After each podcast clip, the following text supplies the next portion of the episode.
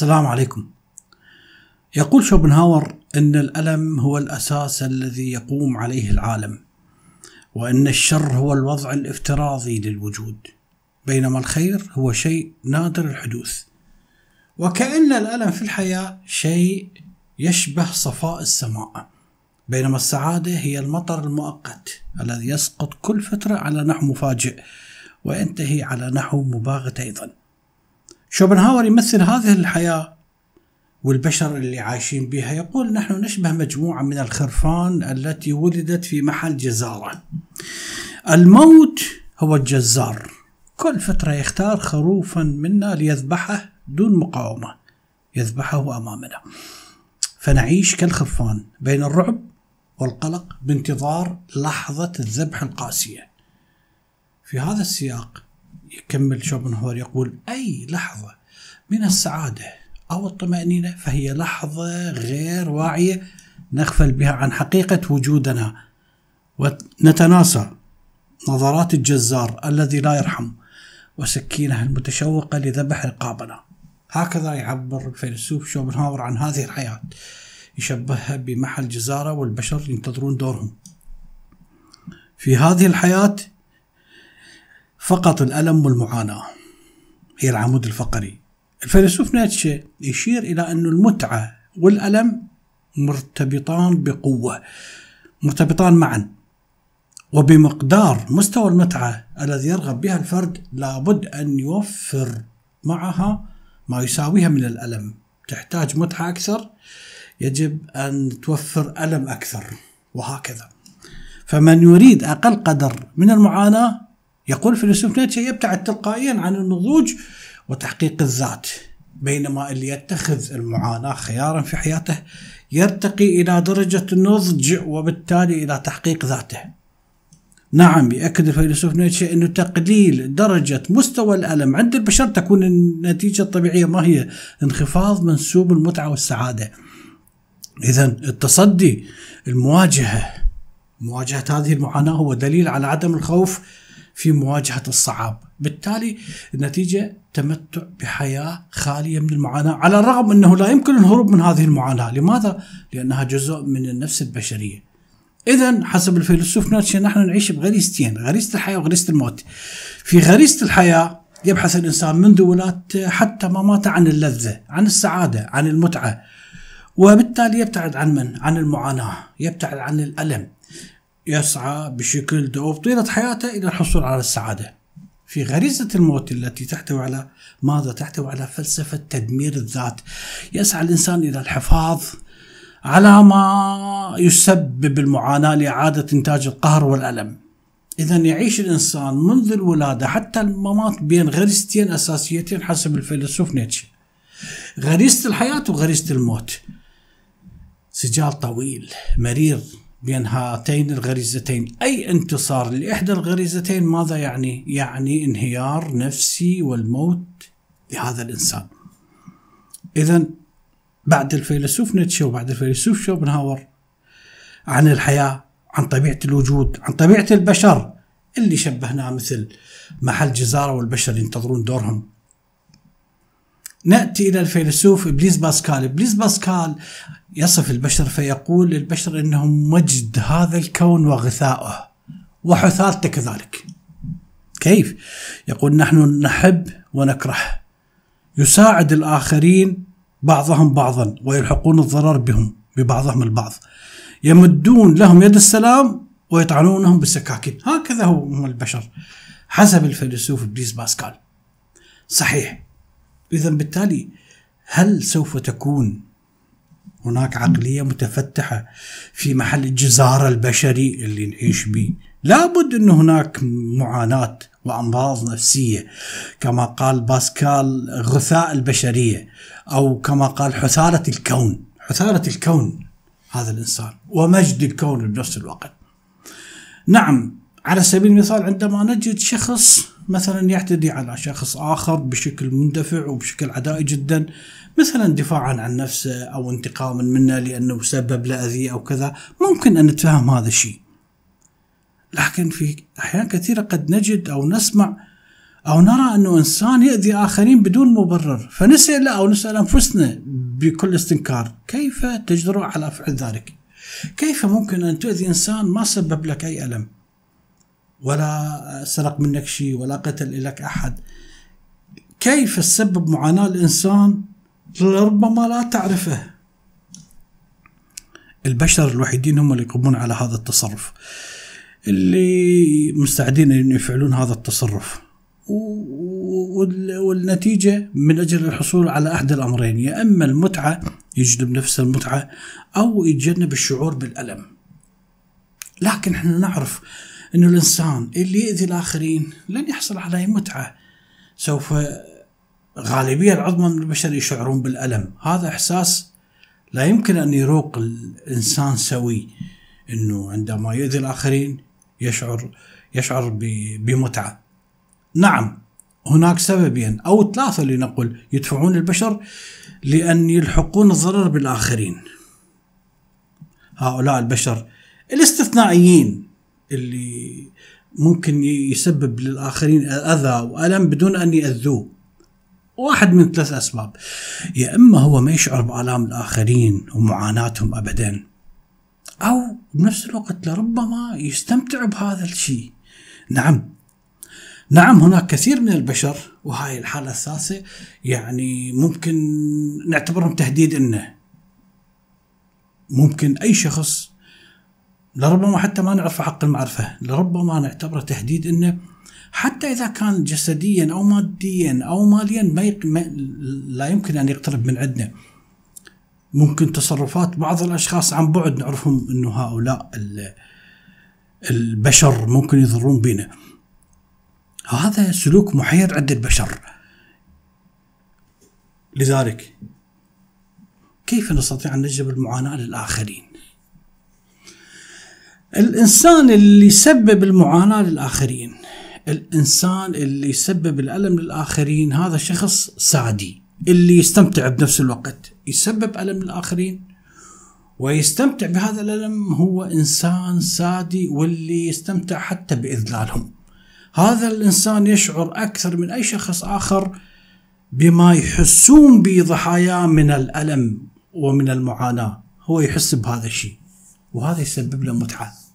صحيح هناك رابط بين الأناس الساديين وبين الناس اللي يمارسون التعذيب في المعتقلات في السجون رجال الأمن وغيرهم هؤلاء اللي ارتكبوا جرائم جدا كبيرة. صحيح. لكن مع ذلك هناك نمط أقل تطرف من السادية نسميها سادية مخففة موجودة على مستوى جدا كبير بالمجتمع. نسميها السادية التي تمارس بشكل يومي. كثير من الناس يمارسون هذه السادية الخفيفة. كثير من الناس يستمتعون بهذه اللي أطلقنا عليها اسم السادية بشكل يومي. السادية بشكل يومي. كثيرا جدا. يستمتعون بإيذاء الآخرين بتسبيب المعاناة للآخرين بمشاهدة الناس وهم يستمتعون. ما عليك إلا أن تراجع دائرة من دوائر الدولة على سبيل المثال ولاحظ السادية الموجودة عند أغلب أقول أغلب الموظفين. أغلب الموظفين الموجودين في دوائر الدولة. يعني أناس لربما يعني يستمتع في أذية وإذلال وقهر المراجعين. ما هو السبب؟ السبب كما ذكرت هذا مرض اسمه السادية بشكل يومي. هو لا يعرف هذا الشيء اللي بداخله. لكن بما أنه يحسب نفسه من موقع أعلى كأن يكون موظف ومسؤول عن حوائج الناس هو يستمتع بإذلالهم. لذلك من المرجح أنه يشعر هؤلاء بمتعة كبيرة بأذية الآخرين. بنفس الوقت لربما إذا دخلنا إلى دواخلهم سنجد أنه يحبون مشاهد مثلا أفلام الرعب والقتل والجرائم حتى المشاجرات عندما تحدث مشاجرة في أي مكان تلفت انتباههم وتثير يعني آه تثير آه فضولهم وحتى آه يعجبون بسفاحين وقتلة مجرمين. لربما قتلوا ملايين من الناس. كثيرين جدا من هؤلاء البشر. كثيرين جدا من هؤلاء البشر. أما الساديين الفطاحلة أو نسميهم الساديين الاختصاص هؤلاء أناس نادرين. يعني لكن مع ذلك هم موجودين بالمجتمع. يعني على سبيل المثال إحدى الدراسات تم إجراءها على من؟ على طلاب جامعيين. في جامعات راقية. يعني جامعات عالمية وليس جامعات. العالم الثالثة وغيره.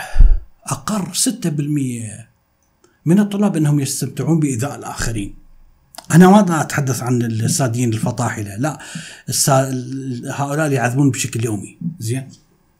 إذا هاي السادية اليومية موجودة موجودة بشكل يومي. آه، كل لا يوجد إنسان لم يتعرض لها أبدا. يعني ممكن أن تجدهم على هؤلاء التافهين اللي يعلقون تعليقات سخيفة جدا لمجرد أنه أنت أعطيت رأي. أنا أعطيت رأي أيا كان هذا الرأي أعطيني اعترض عليه قل كذا لا. وإذا تجد مجموعة من السباب والشتائم التي ليس لها أي داعي. هذا أيضا مريض يسموها السادية اليومية. ولذلك هو يستلذ بأنه يوجه الأهانات والسباب إلى الآخرين. زين يعني كل ما ترقت التكنولوجيا آه، هناك كما يقول باسكال حثالة الكون مع مع الرقي. فتجد مثلا بغض النظر عن التعليقات هناك من يسيء استخدام هذه شبكة الإنترنت من أجل أن يقوموا بمصايب، هؤلاء كلهم ساديين بشكل يومي بل بالساعات وليس بشكل يومي.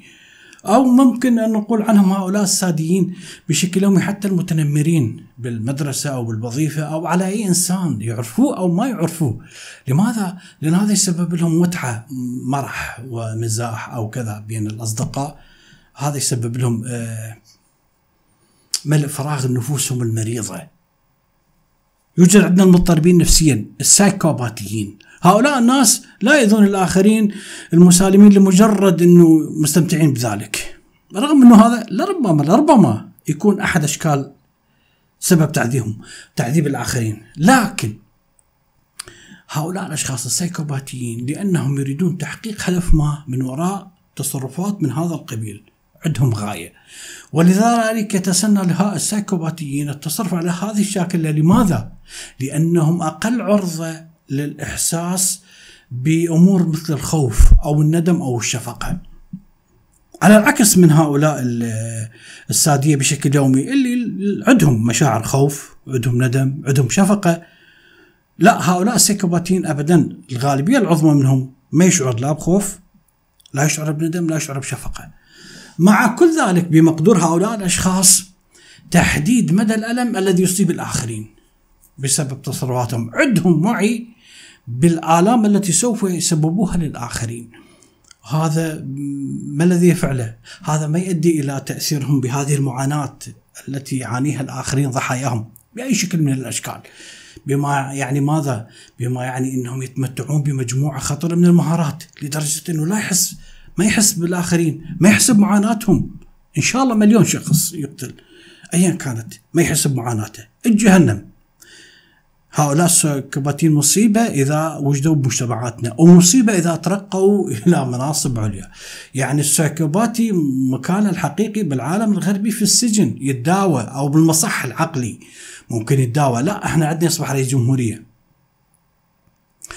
الحقيقة عندما تأتي إلى هاي الأمراض السادية والسايكوباتية واللي هي كما يقول باسكال حثالة الكون اللي الآن هم نطلق عليهم حثالة الكون. لا بالحقيقة قبل قرون قرون طويلة كانت أمر يعني تدرج بحيث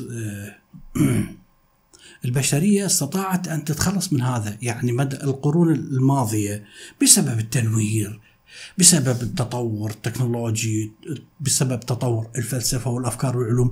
البشرية روضت نفسها من هذه الأمراض القاتلة روضت نفسها بحيث أصبح من العسير على البشر أن ممكن يلحق ضرر بإنسان آخر. يعني سابقا كان تصعد براس هارون الرشيد أو يولس قيصر وقال اعدموا هاي المدينة بأكملها أو هاي القرية أبيدوها أو وهكذا.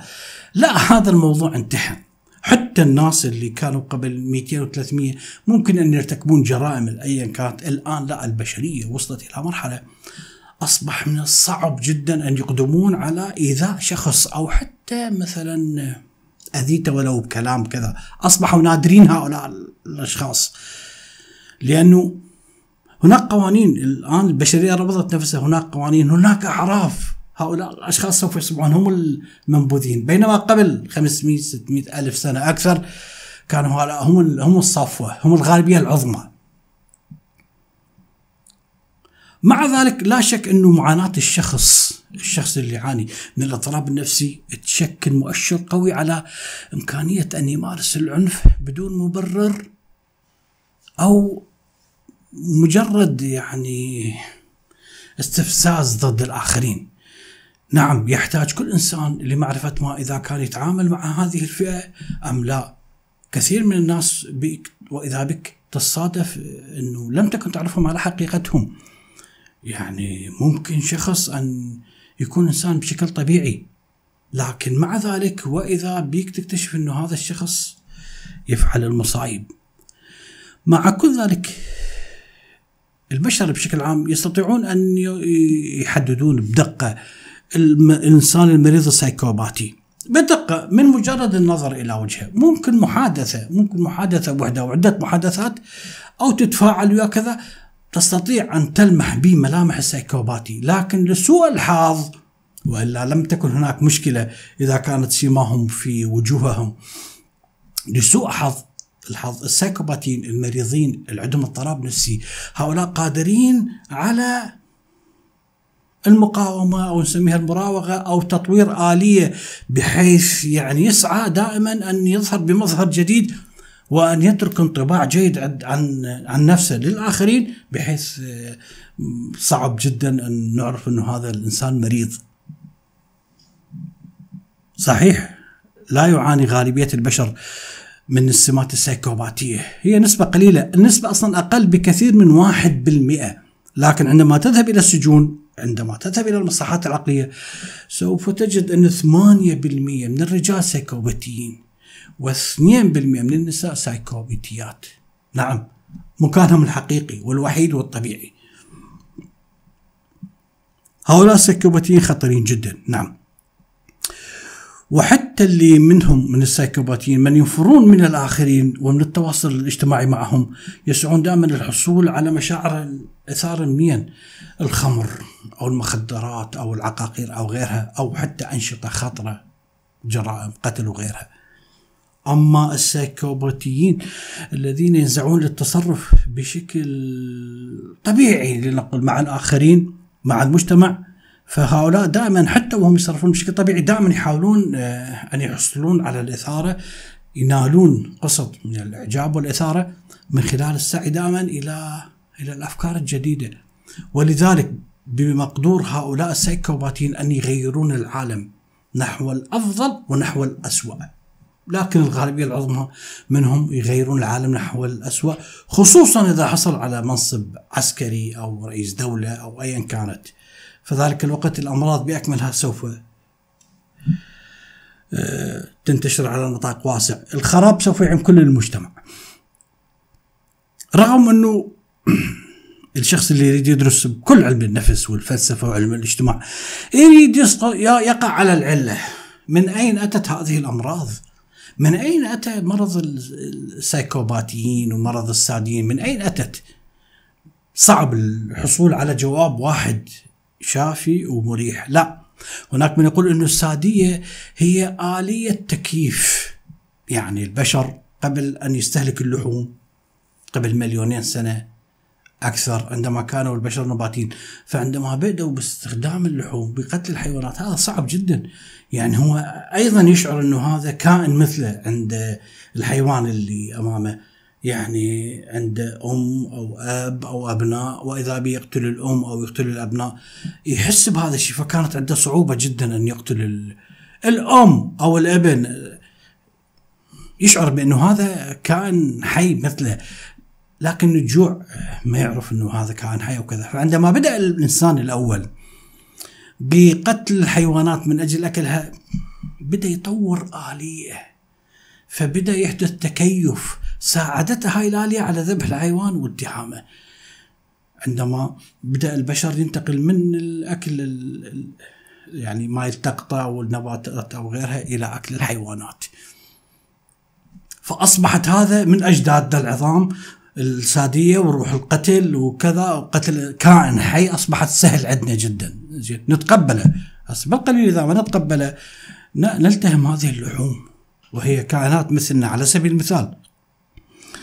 نلتهمها برحابة صدر وكذا. وهناك من يستمتع بصيد الغزلان والطيور وغيرها أو بقية الحيوانات بأكملها للجلود أو يعني أصبحت رفاهية. حتى أحذية من عندها يصنعون غيرها. لا هناك من يشير إلى أنه لا.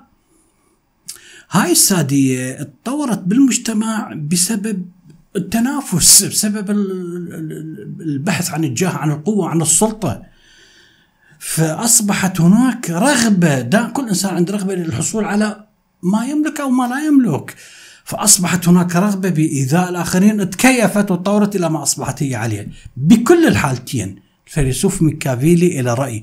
يقول الاضطرابات والفوضى من صنع الزمن وليس البشر. بمعنى أن البشر الأوائل قبل هؤلاء اللي كانوا يقتلون بال... قبل أن يستهلكون اللحوم لم يكونوا مثلا ساديين أو سايكوباتيين أو غيرها. لكن الاضطرابات الجوع الفوضى لذلك تجد المجتمعات اللي اللي آه، بها اضطرابات بها مجاعة هؤلاء هم يصبحون الغالبية العظمى. علماء الأعصاب أيضا لهم آراء عن السادية والسايكوباتية. يمكن أنه هذه الأمراض بأكملها الشكل أسلوب للبقاء على قيد الحياة السايكوباتي والسادي. نعم. كيف؟ يقول علماء الأعصاب هذا الأسلوب تطور بمرور البشر بتراكم العصور سادتها ظروف قاسية. كيف؟ عندما تأتي إلى أي مجتمع على الإطلاق مجتمع آمن مأمن على نفسه مثلا تأتي إلى الإمارات عندها فائض من الأموال ومتجاوزين موضوع الجوع والأكل والحصة التموينية وبأكملها فهؤلاء تجدهم يعني لا يوجد أي مشكلة. لكن لا سمح الله افرض أن الإمارات بأكملها أصبح وضعها مثل العراق وسوريا أو أتعس لنقل. ما الذي سوف يحدث؟ الشعب الإماراتي سوف يتراجع مستوى ناقل عصبي موجود بالدماغ اسمه سيروتونين. موجود بالدماغ اسمه سيروتونين. يوجد في الجهاز المركزي العصبي نعم. هذا السيروتونين يؤدي إلى ماذا؟ يؤدي إلى جعلك أكثر رغبة بالإضرار بالآخرين أكثر رغبة بإيذائهم. ليس فقط لأنك مثلا تشعر بالجوع أو بالفقر من أجل أن تسرق. لا هذا سوف يسبب لك بنفس الوقت متعة. فسوف يزداد هذا السيروتونين. فإخواننا الإماراتيين يحمدوا الله وشكروه على نعمة زايد بن سلطان وعلى نعمة النفط وبدون هاي المراجل اللي لأن إحنا عندنا السيروتونين بمجتمعاتنا العراق وسوريا صاعد للهامة. زين. فنعم هذا السيروتونين ممكن أن يعني يصبح حالة عامة عند المجتمع عندما تكون الأوضاع تنافسية غير مستقرة البلدان اللي بها اضطرابات. وإلا أسألك بالله كيف قتلوا ملايين أو مئات آلاف من العراقيين بالحرب الطائفية؟ مع هم أبناء بلد واحد كانوا يلعبون كرة قدم على سبيل المثال في نفس الأحياء. كيف في رواندا قتلوا التوتو والهوتسي؟ هوتو والتوتسي مليونين إنسان. مع العلم هم أبناء واحد. هم لم يتقاتلوا مع جيوش أخرى مثلا. لذلك التنافس. التنافس هو اللي يصنع هذا. يعني باسكال هاي عبارته العظيمة. البشر هم مجد الكون. عندما يكونون مسامين وكذا ويكونون إنسانين وبنفس الوقت حثالة الكون. إذا القدرات اللي يتمتع بها هؤلاء تجعلهم السايكوباتيين والسادين تجعلهم أساتذة بالتلاعب والمناورة ولذلك حتى صعب إلقاء القبض عليهم. صعب وهؤلاء يصعدون في مناصب ويوصلون والبسطاء هم اللي ينقتلون يعني مصيبة هؤلاء عندهم تكيف مع الألم مع الخوف مع كذا بشكل جدا طبيعي بسبب جسارتهم وبسبب اندفاعهم. فممكن أن يقدمون على مجازفات جدا كبيرة ويحصلون على مكاسب. هؤلاء السيكوباتين اللي ارتكبوا جرائم. في بلدان حدثت بها فوضى. نعم السيكوباتي ممكن أن يرتبط بالإبداع. ممكن تكون قدرة كبيرة على الإبداع والاضطراب النفسي. تحدثنا بحلقة عن العباقرة وال... والجنون. ممكن لكن هؤلاء أقلية اللي يتجهون إلى الإبداع وينتجون أعمال عظيمة. يقول أحد العلماء أن الأشخاص المزعجين بوجه عام هم الذين يقودون حركة الإبداع والابتكار. صحيح. عندما تأتي إلى أي فيلسوف عظيم إلى أي عالم تجده مشاكس مشاغب. خرج عن سطوة المجتمع خرج عن سطوة رجال الدين خرج عن سطوة المقبول اجتماعيا دائما مشاكسين دائما مشاغبين. بالفعل هؤلاء الأشخاص هم المزعجين اللي اللي المجتمع كان ينظر لهم نظرة إنه هؤلاء مرضى نفسيين بالفعل لكن مع كل ذلك قيمة هؤلاء المزعجين نسميهم تتراجع بالمجتمعات اللي الفكر بها أصيل والفكر بها مسموح به بل إنه الفكر بها حالة إبداعية آه، من هو طفل إلى أن يكبر تتراجع بها هؤلاء الإزعاج وكذا ف فلا يحتاج أن يكون عنده هلاوس أو أمراض خفيفة أو كذا من أجل أن يبدأ. بكل الأحوال السادية والسيكوباتية ترتبط بخصال أخرى مثل النرجسية حب النفس حب الذات. ممكن ترتبط بالميكافيلية الغاية تبرر الوسيلة هذه الصفات بأكملها. ماذا يسميها علماء النفس؟ يسموها العالم المظلم في الشخصية. نعم نحن نحمل عالم مظلم في داخلنا. المصيبة هنا راح تأتيك المصيبة. المصيبة أنه يوجد عامل وراثي يرتبط بهاي المسألة السايكوباتية والسادية وغيرها. نعم يوجد عامل وراثي. العامل الوراثي حسب علماء الوراثة أنه يتراوح بين المتوسط وبين الكبير. هذا ماذا يعني؟ هذا يعني أنه كثير من السايكوباتيين والمرضى يحملون هذه الصفات من آبائهم وأمهاتهم دون أن يكون لهم ذنب في ذلك.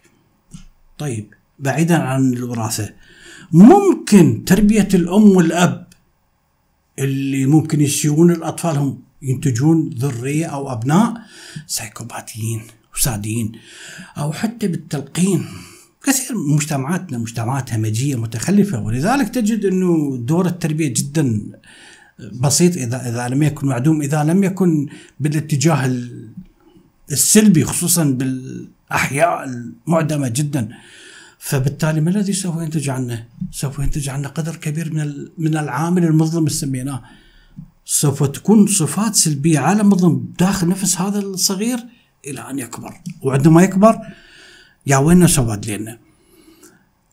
اذا بكل الأحوال يمكن أن تؤدي رؤيتنا للآخرين هؤلاء اللي ممكن يتصرفون بطرق آه مرضية مرضية اللي يحملون العامل المظلم بين في دواخلهم ممكن أن نعرف أن الإنسان بأي لحظة ممكن أن يتصرف آه، يخرج من داخل هذا العالم المظلم إلى الآخرين. أيضا ممكن أن نتأثر بهم. هناك عدوى بمعنى أنه كل منا يوجد داخله عامل مظلم. لربما الظروف ما تسمح أنه يخرج إلى العلن. هناك عندما تحدث فوضى في المجتمع سوف نعرف من هو اللي كان يحمل عامل مظلم بداخله واللي يستحق أن يظهر. نعم.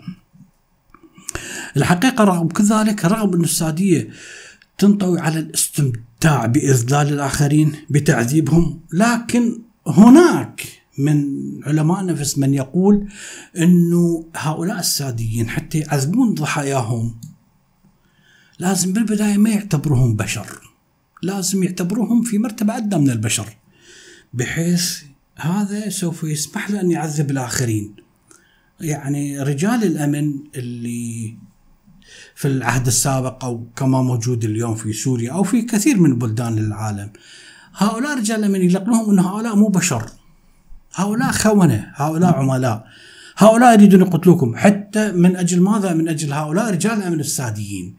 يعذب به ويقلع أظافره وهو ضميره مرتاح. يعني سوف لن يشعر بأي تأنيب للضمير فيتم نعتهم بخونة عملاء كلاب صراصير بالتالي ما الذي سوف نحصل عليه؟ سوف نحصل على أنه بسهولة يتم أذيتهم. ممكن نطلق عليه صفة كافر. فعندما تطلق عليه صفة كافر تقتله وتشرب برا قطية بيبسي. زين. تقتله ولا يرمش لك جفن. لأنه هو إنسان. إنسان مثلك. حتى تقتل بضمير مرتاح تلبسه اكلاو كما نقول بالعراقي. اراجوز إكلاو كافر خائن صهيوني ما أعرف إيش فاستحق القتل. بدون هذا الت... ربما صعب تقتله. نعم كشفت بعض الدراسات إنه انتهاك شخص أي شخص حتى في العالم المتحضر اليوم هناك شخص ينتهك القوانين والأعراف الغربية والاجتماعيه مثلا أعراف يعني متعارف عليها ايا كانت هاي الأعراف الرائعة والجيدة هذا ما الذي سوف يؤدي؟ يؤدي إلى أن الآخرين بهاي المجتمعات الغربية سوف يتعاملون مع هذا البشر بأنه أقل بشرية. حتى بالمجتمعات الغربية المتحضرة السويد، سويسرا، فرنسا هاي تعجبك عندما إنسان ينتهك الأعراف والقواعد الاجتماعية والتقاليد ما أعرف إيش هذا الناس سوف تنظر له اوتوماتيكيا بأنه أقل بشريه مما هو عليه في الواقع. هذا ماذا سوف يؤدي؟ سوف يسهل علينا سوف يسهل من معاقبة هذا الشخص اللي ينتهكون هذه القواعد السلوكية والمتعارف عليها فتخيل عزيزي المشاهد الكريم. تخيل ما الذي يمكن أن نفعله بهذا المش... بهذا اللي ينتهك القواعد. ولذلك تجد مجتمعنا دائما عبارة والله هذا لو الزمه إلا أربع وصل أسوي.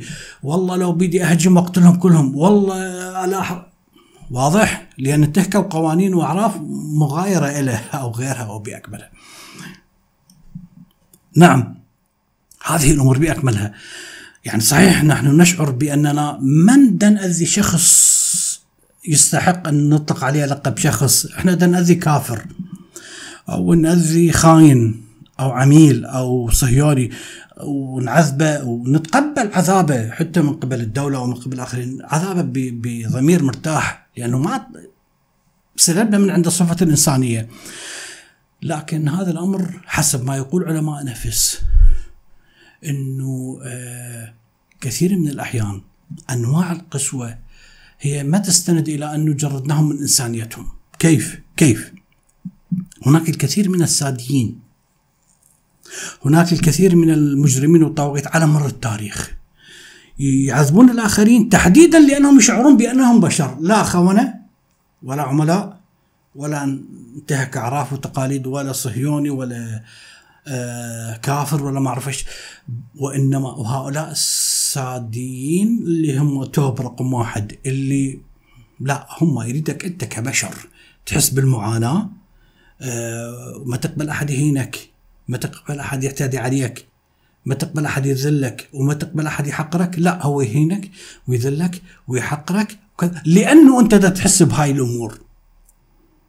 كما كانوا في عهد البعث يعني بالاعتقالات ممكن يفعلون ال ال ال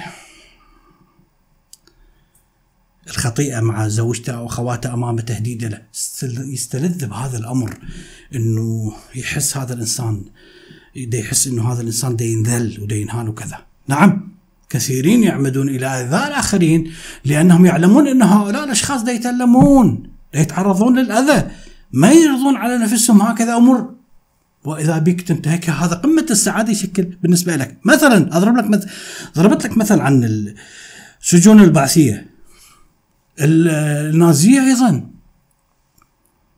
يعني على سبيل المثال من تأتي إلى النازية بألمانيا كانوا يحطون من قدر ومكانة اليهود بشكل جدا كبير. كانوا ما يعتبرون اليهود بشر. زين؟ هو يهودي أبا عن جد وإنسان مثلك عنده عائلة وعنده طموح وآمال وأحلام وأب وابن لا كانوا يعتبروهم في مرتبة أقل من البشر. فكانوا ينعتوهم بهوام القمل والصراصير وبأكملها. رغم ذلك طيب هم مو بشر هم قمل وهوام ودواب وكذا. رغم كل ذلك النازيون يعني من خلال المحاكمات العظيمة بنورنبيغ وغيرها هؤلاء المرضى النفسيين لموهم وبدوا احجونا تكلموا.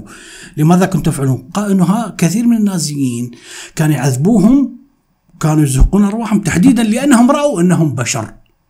لأنه قال أنا كنت أستلذ بتعذيبه لأنه رأيته يعاني من الأهانة يعاني من حالة مزرية جدا.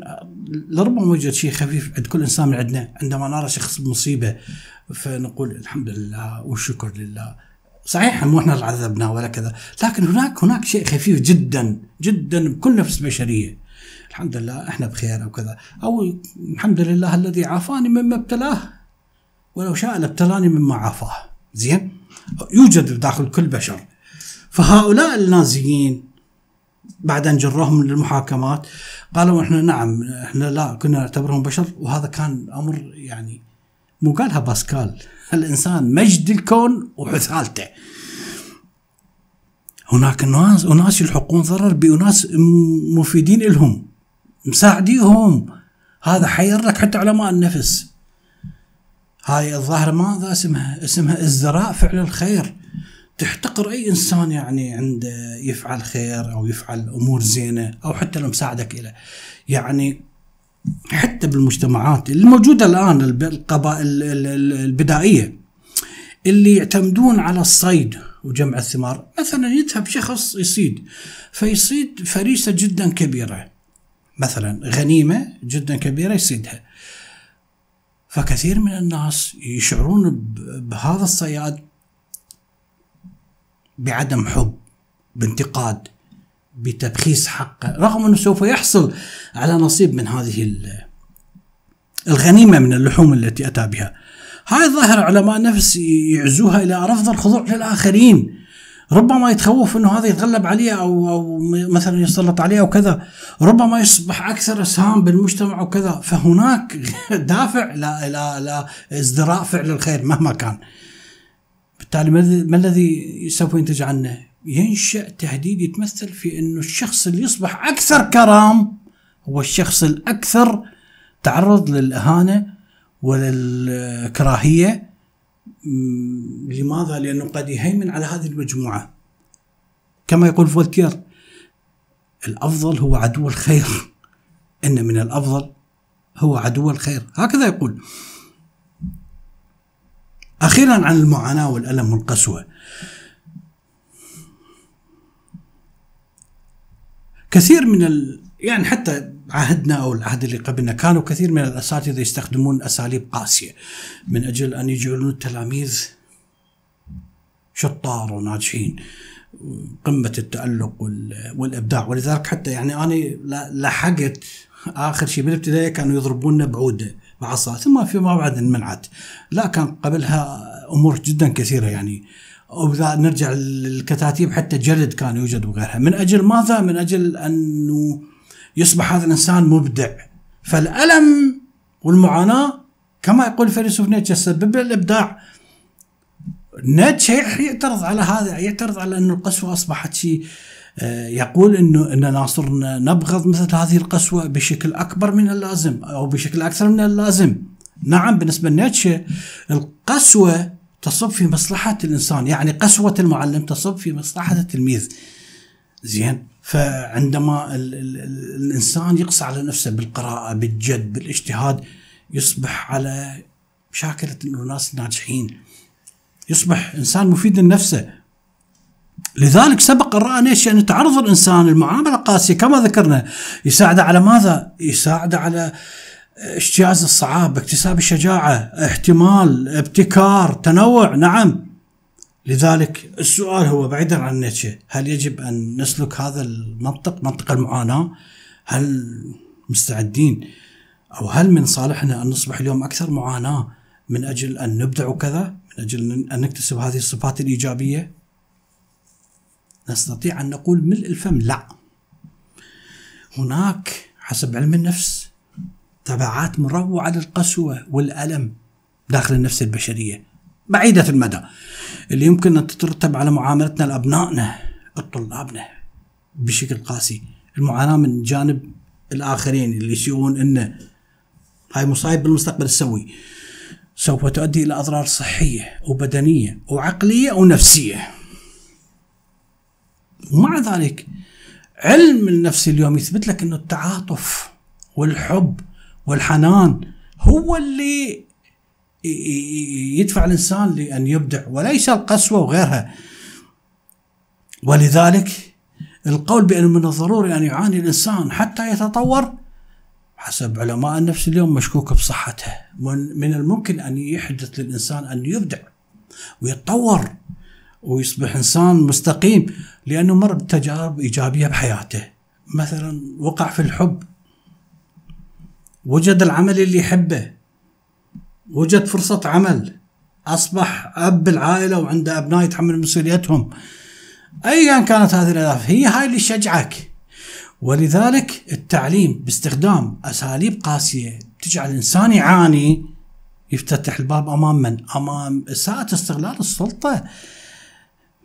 لن يكون هناك حد يقف عنده المعاناة، ممكن كثير من الناس يستخدمون اساءة السلطة المعلمين وغيرهم. وأيضا نهيج الممارسات الساديه اللي موجودة بداخلنا العامل المظلم الموجود بداخلنا. بالتالي لحسن الحظ هذا ليس هو الخيار الوحيد المتاح أمامنا اللي هي المعاناة. لا الحب والعاطفة والحنان. انتهت حلقة اليوم وشكرا لكم.